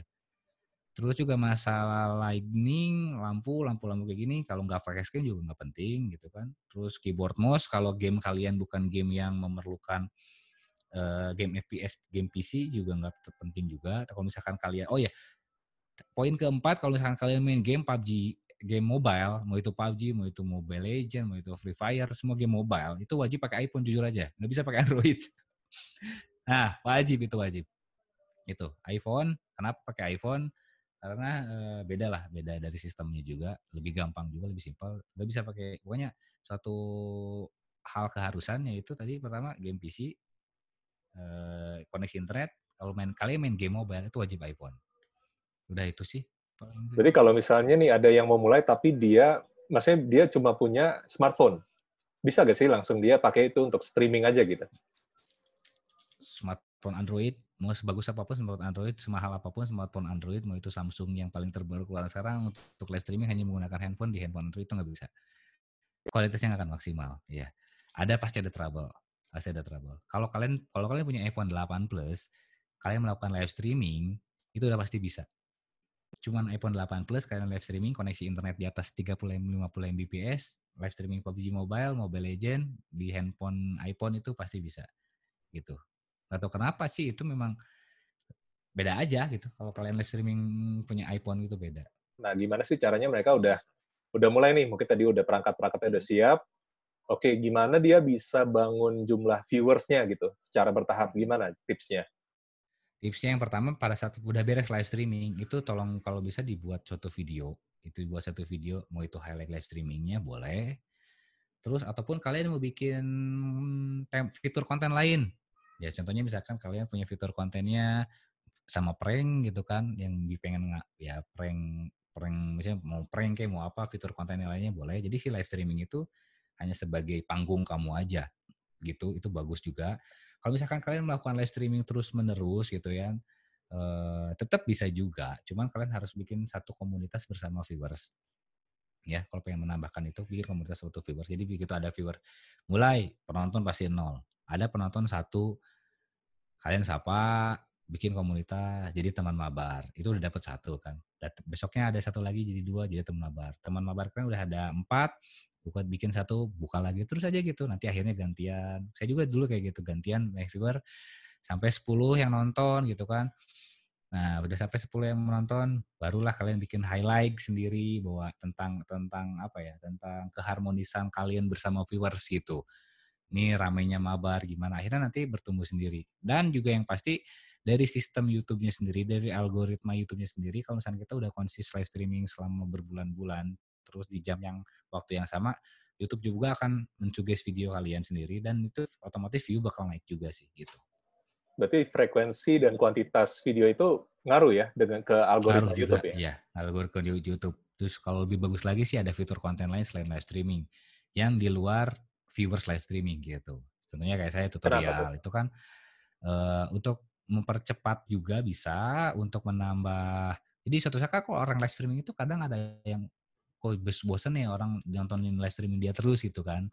Nah, jadi saya kalau saya tuh punya dua kubu kan orang yang kubu viewers yang nonton saya live streaming, kubu orang saya nonton tutorial gitu. Nah, itu itu bisa jadi satu kesatuan. Jadi di, kadang gini, orang yang di YouTube nih, yang di YouTube, orang yang live streaming, begitu dia ngupload video, di videonya jelek nggak laku gitu. Banyak yang gitu. Bisa dilihat lah ya. Beberapa YouTuber live streamingnya dia yang nonton ribuan. Begitu dia ngupload video yang nonton, uh, ya lima ribu. Maksudnya untuk untuk seorang YouTuber yang di atas seratus ribu, uh, subscriber yang nontonnya lima ribu sampai sepuluh ribu itu jelek bisa dibilang kan. Bagusnya 80 persen. Jadi seratus ribu seratus ribu yang nonton 80 ribu itu baru bagus. Nah ini biasanya YouTuber live streamer begitu dia ngupload video tentang highlight live streaming dia sendiri itu videonya pasti jelek upload videonya gitu nah makanya saya tuh nggak pernah ngupload video yang berhubungan dengan live streaming saya sendiri. Maksudnya tidak bukan video gameplay itu itu aja yang saya potong, saya upload gitu. Pasti selalu beda fitur konten. Itu untuk membuat kubu viewers baru. Jadi 100 ribu subscriber, 50 ribu eh, viewers uh, live streaming, 50 ribu viewers video begitu nggak kali ini. Berarti tadi penting dibangun komunitasnya itu sama penting nggak sih kayak menentukan personality yang pengen ditampilkan atau karakteristik kita sebagai streamer tuh penting nggak sih? Iyalah itu mah jelas lah. Kalau saya kan eh, cenderung jelasnya saya karakter orang Sunda saya gitu. Jadi karena gini viewer-viewers live streaming saya itu banyaknya masih orang-orang daerah Jawa Barat yang masih mengerti orang bahasa Sunda justru saya pengen ngebangun itu sendiri. Saya pengen ngebangun itu sendiri yang akhirnya saya ngebuat motivasi buat orang-orang daerah saya sendiri Jawa Barat ini untuk mereka bikin channel dan melakukan live streaming sendiri itu. Nah itu ciri khas saya di situ. Ciri khas saya Sunda banget lah. Orang kadang memperkenalkan bahasa Sunda juga. Kadang orang yang luar daerah itu malah mereka nggak jadi nonton, nggak jadi masalah sebenarnya kalau menurut saya ya.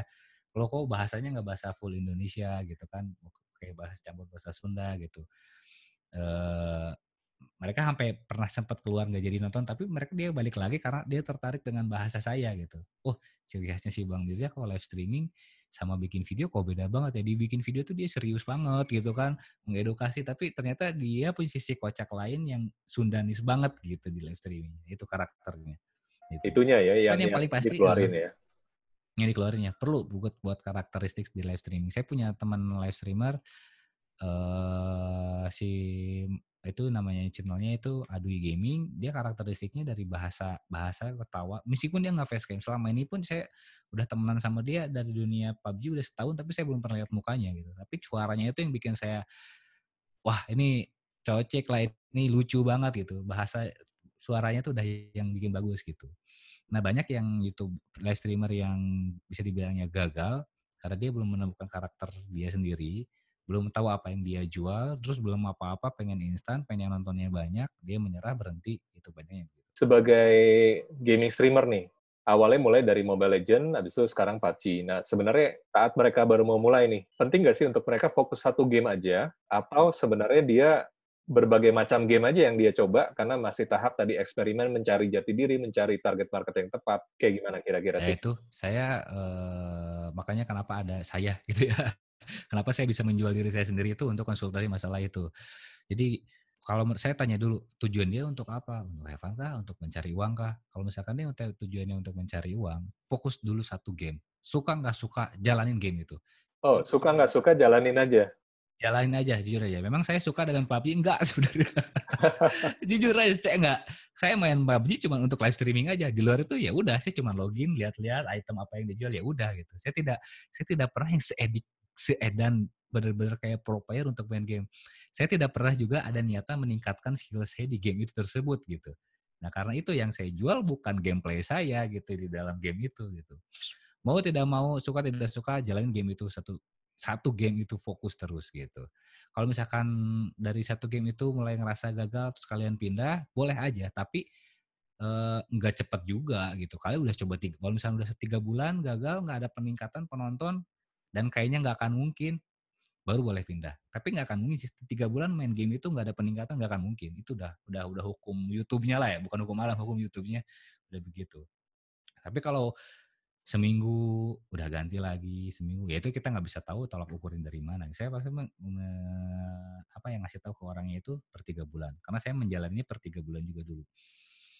Waktu saya pindah dari Mobile Legend ke PUBG Mobile tuh tiga bulan sampai enam bulan viewer saya sebenarnya dari Mobile Legend udah banyak malah begitu waktu saya pindah ke PUBG Mobile sepi semua karena mereka ngerasa kenapa saya nge-subscribe si Mang Mirja ini dari Mobile Legends, kenapa dia pindah ke PUBG Mobile. Itu jadi sepi lagi, mulai lagi dari awal.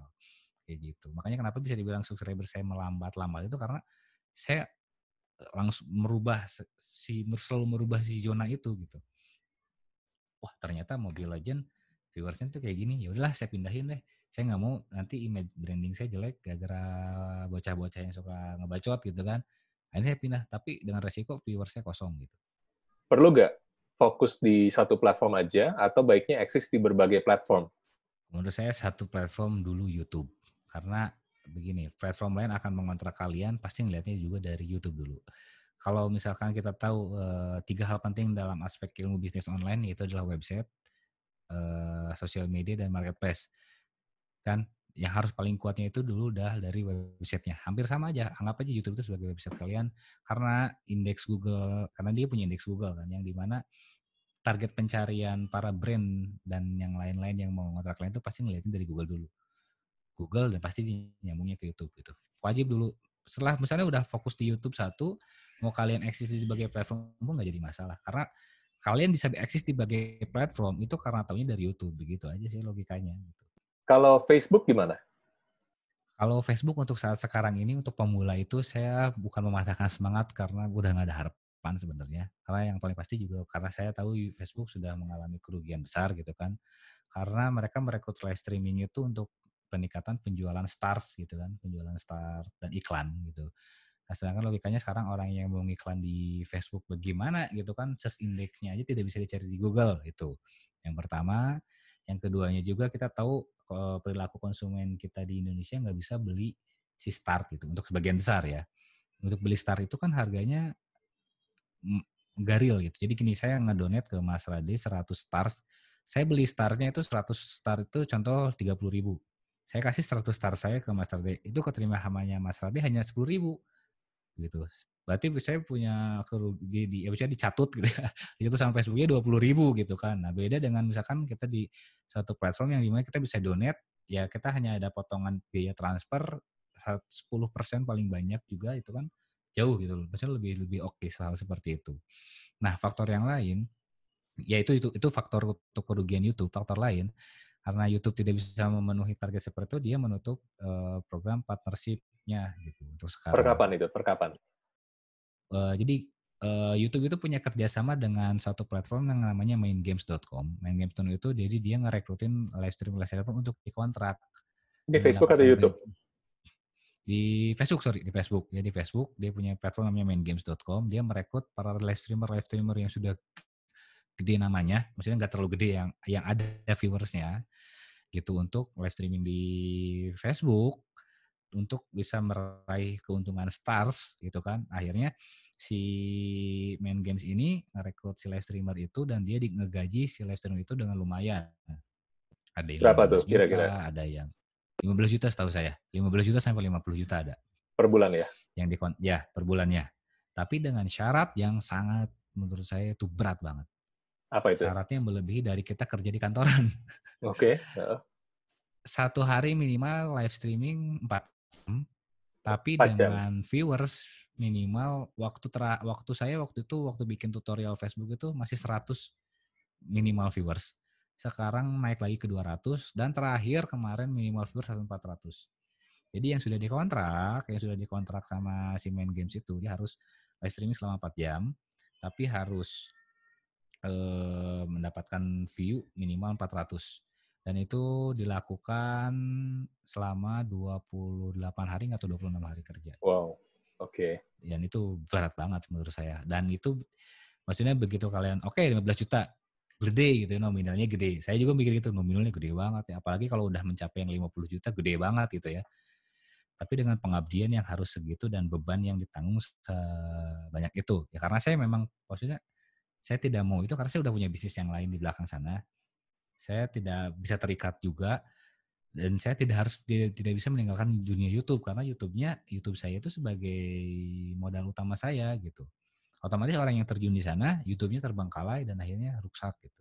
Karena nggak boleh posting di YouTube kalau udah dikontrak oh, jelas, Facebook. jelas, iya, jelas itu nggak boleh. Eksklusif ya. Eksklusif. Nah, gitu. Makanya kalau misal uh, sebenarnya bisa aja orang pemula masuk ke dunia YouTube satu bulan dapat penilaian dari YouTube, dia bisa mendapatkan gift si start itu sendiri. Nah, cuman ya jangan berharap bisa mendapatkan penghasilan yang maksimal gitu. Tiga bulan full live streaming di YouTube, gue jamin itu maksimal hanya paling mendapatkan sekitar satu juta, delapan ratus sampai satu jutaan aja. Itu yang hasil ngasih orang yang ngasih start gitu. Karena susah banget untuk menarik viewers dari sananya, karena tidak bisa terindeks Google, tidak, tidak bisa terindeks search engine gitu. Tapi kalau Mirzan yang lihat kayak prospek dunia streaming, khususnya di gaming streaming ya, 3 eh, sampai lima tahun ke depan itu kira-kira gimana? Ada ada pandangan nggak?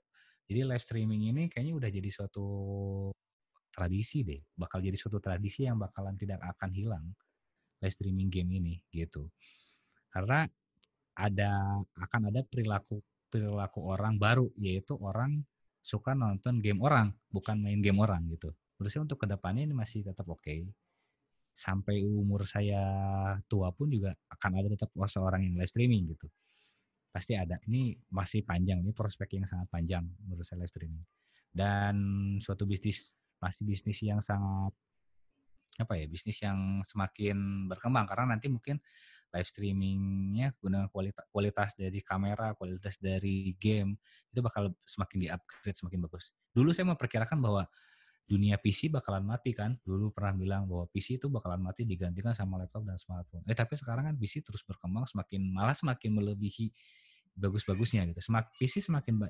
Maksudnya gini, tidak mungkin semata-mata PC mengupgrade uh, dunia dunia ya apa sih perusahaan mengupgrade si PC itu untuk menjadi semakin wah tanpa adanya suatu tantangan itu tantangan dari si game gitu kan. Game semakin berat, PC pun juga harus semakin berat gitu kan. Nah, makanya uh, untuk bisa mempublikasikan si game itu tersebut ya pasti live streamer selalu pasti ada gitu. Sekarang kan itu game game bisa dipromosikan oleh seorang live streamer gitu. Sampai kalau dulu pertama ada Apex Legend, Apex Legend itu ngerekrut Shroud dengan bayarannya itu 3000 dolar per jam. Gila? Wow. Gila kan? Makanya itu untuk promosi gamenya. Pasti pasti bakalan terus ada. Nah, cita-cita saya ke depannya juga pengennya kayak sampai se-Sroll gitu. Sroll satu hari itu minimal 4000 dolar sehari itu. Dibayar per jam itu. ya? Oh donate, itu donate. Donate. Itu dari donate doang 4000. Oke, wow. 4000 dolar itu dari donate aja. Orang yang suka sama dia tuh bisa sampai segitunya. Itu yang nonton berapa banyak itu? Yang nonton kalau untuk nontonan dulu masih di selalu di Twitch kan ya. Selalu masih di kontrak Twitch gitu. Yang nonton ya masih seribu sebenarnya normal seribuan. Yang nonton seribu tapi tonton orang-orang di Twitter yang nontonnya orang-orang yang berkualitas gitu. Orang bisa sign up di Twitch kan nggak sembarangan ya. Orang bisa sign up di Twitch itu nggak sembarangan. Dia minimal harus punya deposit eh, untuk donate-nya dulu gitu untuk di platform itu. Makanya dia eh, nggak sembarangan. Makanya saya kenapa pengen live streaming di Twitch itu karena viewersnya nggak sembarangan. Gitu. Mereka pasti orang-orang yang punya berduit semua. gitu. Sudah siap membakar uang mereka gitu. Betul. Jadi prospek ke depannya sih sebenarnya nggak nggak akan ke mana-mana ya, karena tadi benar juga yang dibilang orang nonton orang main game itu sebenarnya udah jadi kayak kebiasaan ya. Mungkin saya kilas balik juga waktu kecil, saya juga suka main ke rumah temen, cuma nontonin dia main game. Nontonin main game, iya. Nah. Nggak ada yang berubah sampai sekarang ya orang nonton Iya. orang main game ya di di, di Iya, internet gitu kan. Iya, senang aja sekarang. Kadang ada gitu viewers viewers saya udah dari 100 orang viewers dan selalu saya selalu ngebuka, "Ya siapa yang mau main bareng?" Itu lumayan delaynya agak lama sekitar 5 sampai 10 menitan. Ini kenapa sih viewers banyak tapi nggak mau nonton bareng? Enggak deh, Bang. Gua mau nonton aja deh. Senang gua lihat lu nonton main game lu gitu. Padahal dia nggak nonton game saya yang jagonya, dia nontonin game saya yang nggak tahu apanya gitu yang dilihat gitu. Dia punya penilaian sendiri gitu sih. Senang aja. Ya unik ya. Saya orang emang seneng nonton, seneng seneng rame-ramenya mungkin ya interaksinya, Seneng rame-ramenya, juga ya, seneng komunitasnya interaksinya, gitu ya. komunitasnya. Ya, untuk ke depannya untuk masih adalah pasti pasti ini live streaming mau 10 tahun kayak bakal jadi profesi utama kayaknya nanti.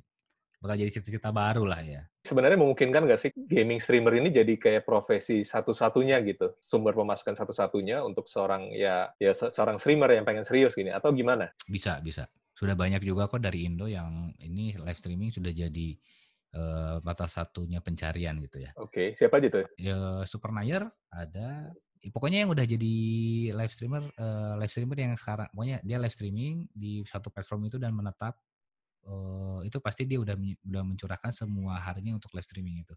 Untuk pekerjaannya live streaming itu. Supernayer terus di Facebook itu ada yang namanya Zan terus juga ada Baby tapi nggak tahu ya maksudnya dia bakal permanen berapa tahunnya itu kita nggak tahu cuman untuk saat ini dia pendapatan utamanya dari situ gue pasti yakin dia dari situ gitu. Kalau diniat pun diniat pun juga saya kalau pengen mengejar seperti itu saya bisa sebenarnya gitu. Pengen fokus pencarian utama saya di live streaming saya pasti bisa gitu ya untuk mengejar kontrak-kontrak dari platform pun udah banyak. Cuman saya tidak mau maksudnya tidak bukannya nggak mau ini ya tapi eh apa ya saya pengen itulah tipikal jelek saya itu saya pengen menggali sesuatu yang memang bukan di sini gitu. Saya takutnya nanti saya terjebak dengan saya nggak mau tipikalnya nggak mau terjebak dengan satu keadaan di sini yang ngebuat saya terikat sesuatu gitu mas. Gitu. Ya makanya ah cukup lah eh, maksudnya dengan pendapatan segini tapi saya free gitu. Mau ke mana-mana saya mau berhenti live streaming oke. Saya mau cuti dulu berapa bulan juga oke. Saya mau main. Kan itu kalau udah di kontrak itu ada tuntutan gameplay juga mas kalau udah di kontraknya dan di kontrak yang udah jadi itu kan masa kita nggak kontrak seorang live streaming tapi mainnya no gitu kan. Ada tuh pastilah tuntutan gitu kan. Ada juga misalkan tuntutan wah banyak lah banyak ada tuntutan pasti ya sudah jadi yang di kontrak itu pasti tuntutannya lebih berat dibanding yang kita sebagai orang yang freelance gitu. Betul, betul. Apalagi streaming kan ya tadi mungkin harus tiap hari atau ya hampir tiap hari dan apalagi kalau udah di kontrak terus kalau lagi sakit gitu misalnya lagi nggak bisa streaming, nah itu gimana tuh? Kalau sakit sih pasti ada ke ada ada apa namanya sakit sih ada dispensasi pasti ya. Boleh lah sakit izin itu pasti ada cu- ya, ada yang namanya cuti itu pasti boleh.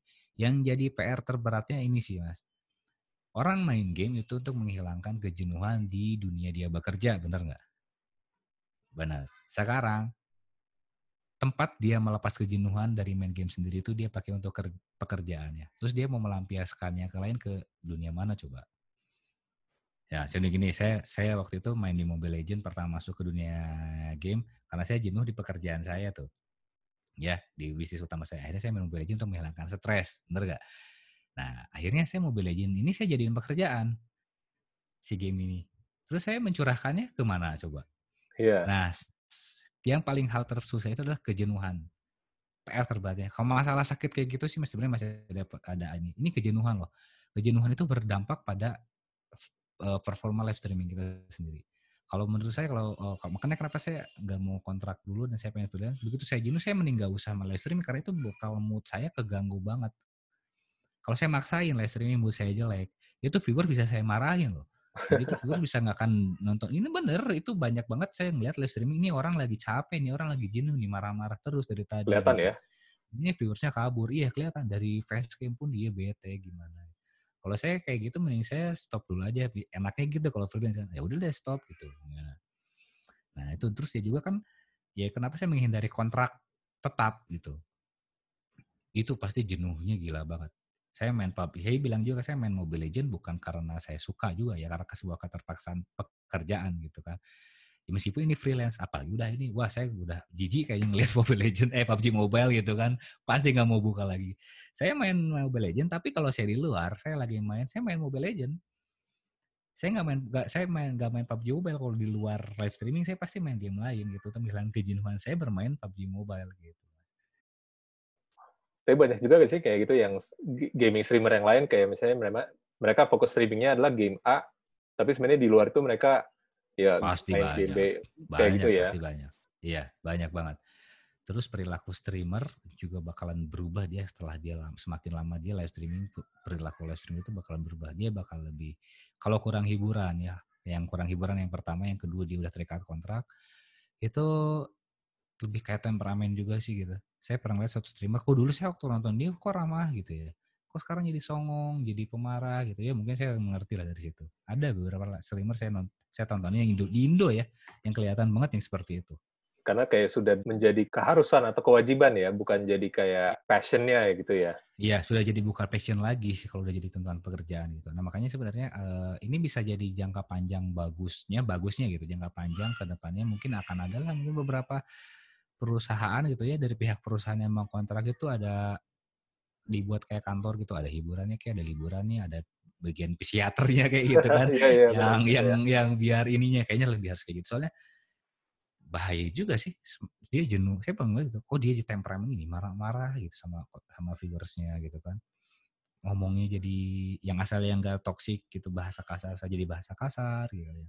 Yang dulu teriak-teriak rame nontonin kita karena dia teriak-teriaknya rame karena cerianya dia jadi murung banyak kan gitu mas Nah, selama ini kalau lagi tadi jenuh, lagi lagi lagi bosan atau apa gitu kayak stres, selama ini jalan keluarnya apa tuh? Kalau saya mending saya kalau saya mending live streaming dulu. Saya bikin suatu post yang aja di IG bahwa saya nggak akan live streaming dulu seminggu udah cukup gitu kan. Kalau karena saya nggak ada terikat kontrak gitu kan.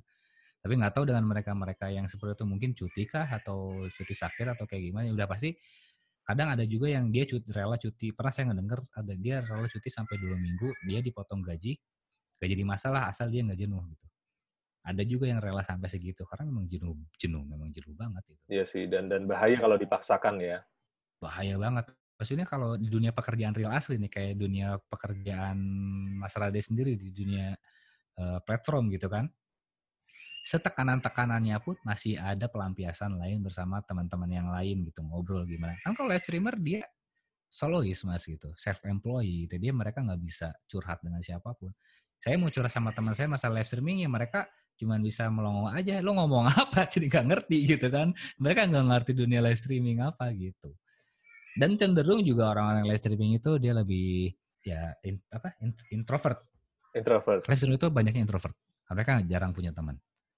Kalau saya saya sih nggak masalah karena saya udah berkeluarga juga atau ya saya nggak butuh banyak teman juga malah itu malah jadi bisa dampak negatif kalau yang berkeluarga. Saya masih punya istri yang bisa curhatin itu anak-anak buat saya hiburan itu ini untuk anak-anak muda yang masih langsung terjun dia pasti bakal jadi introvert banget itu. Itu yang buat mereka jadi makanya stres gitu. Dan penting untuk mereka punya tempat untuk mereka sharing ya mau itu teman keluarga atau apa pun ya. Iya. Ya harus mereka harus punya tempat sharing. Meskipun dengan viewers itu sendiri. Oke okay, oke. Okay. iya gak jadi masalah. Saya banyak juga teman-teman viewers yang saya pun sampai sekarang belum tahu mukanya saya jadiin teman aja gitu. Di lewat WA kayak kita chatan kayak gimana gitu kan ngobrol-ngobrol bercandaan, bikin grup gitu, Iya, bikin iya. kirim kirim gambar-gambar apa gitu. Yang penting ada ada lingkungan yang memperhatikan kita lah gitu. Ini udah berjalan hampir dua tahun ya? Iya hampir dua tahun. Ha. Hampir dua tahun ya. Kalau misalnya bisa ngulang dari awal nih, kira-kira ada hal Hmm. berbeda gak yang bakal dilakukan mengambil pengalaman dan pengetahuan yang udah didapatkan hampir dua tahun ini? Pasti lah pasti pasti akan beda. Saya juga memang ada niat untuk bikin channel, channel baru sih sebenarnya mas. Hmm. Sebenarnya saya mau ada rencana bikin channel baru dan ini mau saya benar-benar terapin dengan sangat serius. Tapi mungkin kontennya bukan di konten game gitu. Oke. Dan semuanya bakal saya terapin rumus-rumusnya, metode-metodenya, cara bekerjanya gitu kan. Terus eh, sikap sayanya, apa yang saya jualnya tuh udah pasti lebih matang lagi. Makanya kalau misalnya kita lihat kayak gini mas, saya pernah bikin suatu konten di mana kalau lo pernah ngeliat suatu youtuber dan dia bisa langsung terkenal dengan beberapa video, lo cari tahu dulu latar belakangnya dia, dia apa, apa mungkin dia tuh pernah menjadi seorang youtuber juga kayak gimana gitu kan, makanya dia bisa langsung meledak karena dia udah mengetahui rumusnya itu gitu. Nah makanya saya mau bikin channel baru lagi yang mudah-mudahan yang di luar kon- konteks game gitu yang dan ini memang lebih ke saya ke gua banget gitu ya. Dan harus tanpa ada tekanan yang pasti gitu ya. Semuanya semuanya ini saya harus bikin satu channel yang di mana ini adalah hasil dari pelajaran saya di channel yang lain gitu di channel sebelumnya gitu mas. Tapi ke depannya akan ada channel itu tuh? Ke depannya akan ada ada? channel. Cuman saya Oke. belum belum matang masalah di kontennya. Satu yang kedua masa depan si kontennya itu gitu. Tapi nggak pengen disatuin di channel yang sekarang? enggak ya itu harus dipisah. Mau nggak mau harus dipisah. Kita harus mengikuti kalau dibilangnya apa ya kalau bahasa teman-teman algoritma YouTube-nya lah karena algorit- algoritma YouTube-nya itu nggak bisa kita mencampur semua niche di channel itu gitu Malah jelek ya? Dari sisi algoritmanya Malah malah... jelek. iya malah kurang bagus iya Jadi algoritma YouTube-nya lebih suka yang channel kita tuh ya spesifik bahas apa gitu ya? spesifik nah itu seperti itu satu tema satu tema lah satu tema gitu Kalau Palu Gada malah jelek ya? Iya, kalau itu campur-campur yang satu channel, yang satu tentang mancing, yang satu tentang game gitu kan itu pasti eh, berkurang viewersnya. audiensnya juga bingung. Oke, gue ke sini dapat random banget gitu. Iya, gue pengennya satu apa, hal aja iya. gitu ya. Satu hal aja gitu. Malah yang satu hal aja juga kalau kurang tepat juga dari segi penjudulan juga mereka nggak akan dapat juga gitu. Ya, meskipun satu tema gitu kan kan temanya tentang dia nge-review iPhone gitu ya meskipun satu temanya handphone terus dia tiba-tiba nge-review Samsung ya tetap aja akan Bisa gitu juga ya. iya sebegitu Terakhir nih, mungkin ada pesan nggak buat teman-teman di luar sana yang yang tadi yang pengen mulai, pengen serius, pengen menekuni profesi sebagai game streamer, mungkin ada pesan-pesan deh. Oke, jadi buat teman-teman semua yang mau memulai menjadi dunia YouTuber gaming ataupun live streaming gaming, hal yang paling kalian wajib eh, coba, yang wajib harus kalian laksanakan, yaitu yang pertama adalah, yang pertama adalah langsung kerjakan. Apa pun bentuknya, itu harus langsung kerjakan dulu. Mau itu kalian set up eh, live eh, PC gamingnya dulu, itu kan udah masuk hal yang namanya dikerjakan dulu gitu. Nah, setelah kalian masuk udah masuk ke dunia kerjakan, ya mau menonton tutorial, kayak mau nonton mau menca mulai mencatat list perlengkapan itu udah masuk ke yang masuk ke dunia eh, maksudnya ke ranah kalian mulai mengerjakan. Setelah kalian masuk ke ranah yang namanya kalian mengerjakan hal itu tersebut, di situ mulai terbukalah pikiran-pikiran kalian semua. Cari ilmunya dulu, gitu ya, cari ilmunya dulu sambil kalian langsung terjunnya gitu. Dan yang paling pasti di saat kalian mulai down, tidak ada yang nonton, gitu kan, kalian dapat cacian, bulian, hal yang paling kalian perlu garis bawah itu kalian jangan berhenti. Kalau kalian berhenti itu sama dengan kalian menyerah. Kalau udah menyerah ya berarti kalian udah end. Itu udah saat selesai udah the end. Sudah nggak ada ininya. Nah, kalau misalkan terjun ke dunia gaming dan live streaming juga kalian harus menentukan apa yang harus kalian jual gitu. Kalian nggak bisa menjual hanya sekedar aja, sekedar main, sekedar iseng ataupun sekedar mengisi waktu luang itu nggak bisa. Kalian harus menentukan apa yang kalian kalau memang niatnya kalian pengen mencari uang. Tapi kalau misalnya kalian sekedar mencari untuk have fun sih ya nggak jadi masalah. Itu mah be yourself aja gitu. Tapi kalau misalnya mencari uang pahami dulu tentang dunia YouTube-nya itu sendiri.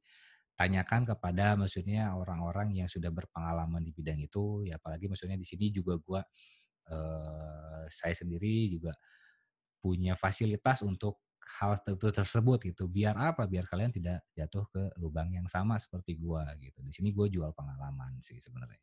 Ya mungkin gitu aja buat kalian semua ya uh, yang pengen terjun. Intinya jangan menyerah, tetap kerjakan segala sesuatu yang salah perbaiki, perbaiki terus. Nanti pun juga kalian akan meledak dengan sendirinya gitu. Dan bagi teman-teman yang mau konsultasi bisa juga nih sama Mirza ya? Ya, bisa konsultasi aja nanti kalian lihat di socialbus.com slash Mirza Kaisar slash trib tribe ya, socialbusnya tribe. Di sana gue menyediakan kayak suatu kelas uh, coaching online yang di mana uh, ya dari sisi mental gue masih ceramah-ceramah seperti beginilah ya. Apa tujuan kalian? Yang ngebuat kalian tuh pengen menyerah, insya Allah nggak akan jadi menyerah yang kalian gak mengerti udah pasti kalian bakal mengerti dan juga ada sesi khususnya itu gue akan ada kayak tim viewers gitu ya nge-setting setting live streaming kalian itu biar optimal gitu. Hmm, hmm. Itu sih terus juga mungkin nanti akan ada uh, yang masih dalam progres sekarang tuh kayak ada modul yang di mana ini modul untuk pemula banget yang pengen mulai terjun di sana mulai cara memilih gamenya memilih platform, peralatan yang harus kalian siapkan itu semuanya gue udah siapin di Social Boost Trip dan itu videonya nggak gue publish di mana pun hanya di Social Boost Trip gitu. Jadi daripada belajar sendiri, gagal, belajar, iya. gagal, kelamaan ya. Kelamaan. Saya kalau misalkan kalian seperti itu nggak apa-apa, tapi modal kalian sudah dipastikan satu Honda Jazz bisa. Gitu. karena, karena begitu gagal mahal ya. Iya, udah, karena gagal itu mahal banget. 200 juta men, gue itu untuk mendapatkan satu modul yang gue share itu seharga Honda Jazz itu. begitu. Jadi ya cuman inilah, cuman masuk ke sosial bus trip, di sana ada apa namanya? Ya modul-modulnya ya. Iya, kalau modulnya itu kalian klik, donate dulu lah 200 ribu kan. Kalian bisa dapat semua pengalaman-pengalaman tanpa kalian mengeluarkan modal dulu untuk eksperimen karena di sana gue bakalan ngasih tahu gitu mana yang benar mana yang salah gitu. Oke, kalau gitu uh, thank you nih, Mirza udah sharing sama kita tentang ya, seluk-beluknya dunia game streaming ya, yang segala plus minusnya ya kan. Nah, jadi buat teman-teman di luar sana ya, ini sebuah profesi yang nggak bisa dipandang sebelah mata ya. Ini mungkin ya, bisa jadi mata. Ini, ini yang besar nih uh, ke depannya gitu kan. Nah, jadi thank you Mirza udah sharing dan thank you teman-teman udah menyimak episode ini dan sampai ketemu di episode berikutnya.